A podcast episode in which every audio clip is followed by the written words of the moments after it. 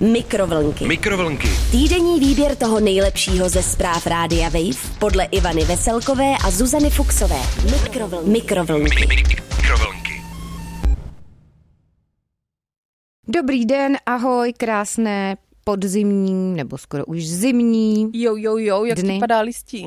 Mm, Listí už opadalo podle mě Zuzíku, teda. Ale pojďme na souhrn zajímavých zpráviček, nebo i méně zajímavých Já bych řekla spíš zpráviček. zpráviček, které jsme našli na internetu. Žraloci mají rádi jazz, klasika je moc nebere. Jídlo jako z Harryho Pottera. Americký řetězec prodává v Hongkongu hadí pizzu. Divadlo v Brně vykradla bílá paní, hledala blůzu. A začneme s právičkou ze světa takzvaně. Zoologie. Zoologie, ano. Rádijko Vejvík informuje o tom, že žraloci mají rádi jazz, klasika je moc nebere, údajně. Hmm. A co teda vědci zase vyskoumali, Zuzko? Takže zoologové tvrdí, že žralo, žraloci mají hudební preference a mezi jejich oblíbené žánry rozhodně nepatří klasika. Mm-hmm. Studie vědců z australské Macquarie University Fish Lab zjistila, že druh žraloka jménem různozubec, Port Jacksonský, krásný jméno. rád poslouchá jazz, ovšem za odměnu, nejenom takhle. To mě zajímalo, na kolika zase těch různozubcích to zkoumali. Doufám, že na jednom, anebo na dvou. Na dvou nebo na třech. Podle zjištění zoologů jsou tyto paryby schopné hudbu rozeznávat, když mají motivaci a za svoje snažení dostanou najíst. Vědci žraloky proskoušeli a ukázalo se, že jim nejvíc vyhovuje jazz pravidelném pouzujícím rytmu. Hmm.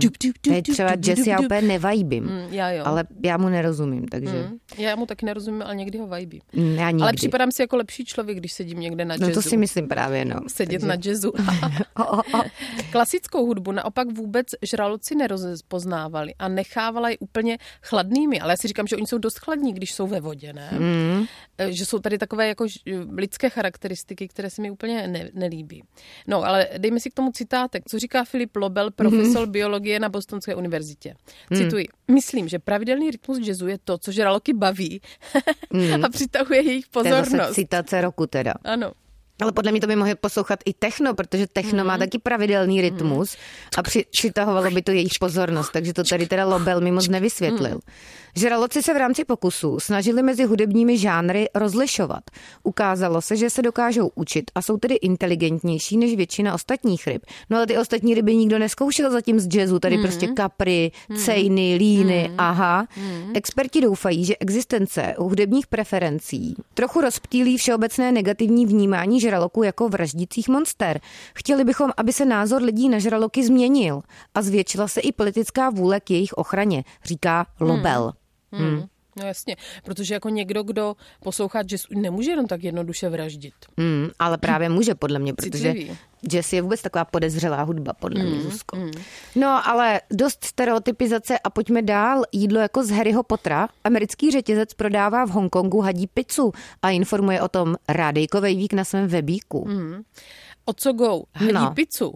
To mě zní jak kapří pizza, která, eh, když jsem někde viděla na ní takový jako receptík. Nicméně, hadí pizzu můžete vyzkoušet v Hongkongu. Hongkong.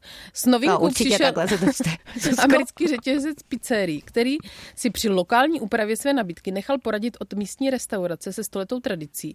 Jak píše server CNN Travel. Mm-hmm. Nová pizza kombinuje drcené hadí masíčko, černé huby a čínskou sušenou šunku, což jsou nepostradatelné ingredience do pravého hadího guláše, takzvaně mm-hmm. gulinu. Nově jde také To o ingredience. Ale pro šťavnatý marketing hongkongské francízy, která chce vyvolat rozruch na internetu. no a to se jí daří, když o tom mluvíme i my tady v Praze, že? Ano, a v Brně. Proč s touto gastrofúzí přichází právě teď? Asi se neptáte, ani já se neptám, ale Radio Wave se ptá. Podle kantonského přísloví je nejlepší jíst hada, Mi hada. jo, jíst hada jako sam, no, nesměju se.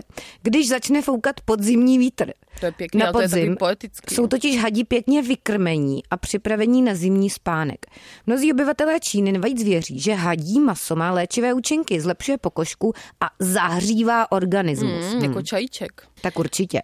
Ve spojení se sírem a kuřecím masem nakrájeným na kostičky je hadí maso chuťově bohatší. Uvedla hongkongská franšíza pizzerie v prohlášení předtím, než se pokrm, tedy hadí picička, minulý týden začal prodávat. Hmm začala prodávat. Hmm. No, a dodala tak. ještě, že hadí maso podporuje krevní oběh, mimo no, jiné. Určitě. No a dáme si ještě krásnou uh, citaci, mm-hmm. co říká Rachel, Von, Rachel Vongová z Nebo Hongkongu. Rachel možná. Možná Rachel uh, Vongová z Hongkongu, mm. která je velkou faninkou hadí polivky od dětství. Mm. A z novin hvězdky v jídelním lístku pizzerie je takzvaně excited. Mm-hmm. A co mhm. říká? Rachel, Rachel. No. Struktura hadího masa trochu připomíná kuře, ale chutná spíš jako ryba a další druhy mořských plodů. Hmm. Tak děkujeme Rachel a na hadí pecičku si teda můžete zajet do Hongkongu. Hmm. Já bych Můj brácha jedl jednou uh, hada, já jsem u toho byla, mhm. ale já se prostě tak extrémně štítím hadů i tehdy, když jsem jedla maso, hmm. že jsem Taky se nebyla schopná bojím, toho no dotknout, nicméně taky referoval o tom, že to chutnalo jako kuře. Hmm, děkujeme, Zuzko, za vzpomínku tvého bratra. Mně vždycky připadá to slovo had, kdekoliv se vyskytne, že to zavání nějakou metaforou, takže pro mě věci typu jíst hada nebo hadí guláš jsou jako základkový no, humorek. to penis, no. co si budem, no, co si budem, no. No nebudem právě. Ale pojďme do Brna. Divadlo v Brně vykradla bílá paní, hledala blůzu. Informuje mm. o tom brněnská Jestli drbna. Tak toto není nějak, nějaká Jestli symbolika v tom. nějakého hada. Mm. Do divadla v Brně zavítala málo oblečená. Co to znamená, že? 630-letá návštěvnice. Mm, to je skoro v našem věku. Za kulturou se ale vydala v nočních hodinách, kdy si ji všimla pouze pohotová recepční, která zavolala na linku 156. 156. Hmm. Po příjezdu pracovnice strážníkům řekla, že podezřelá před jejich příjezdem v nestreženém okamžiku vnikla do technické místnosti, kde si vzala firemní blůzu a zástěru. Hmm, tak do ukradených svršků po té třicátnice rychle naskákala a nenápadně se chtěla proplížit z kulturního zařízení ven.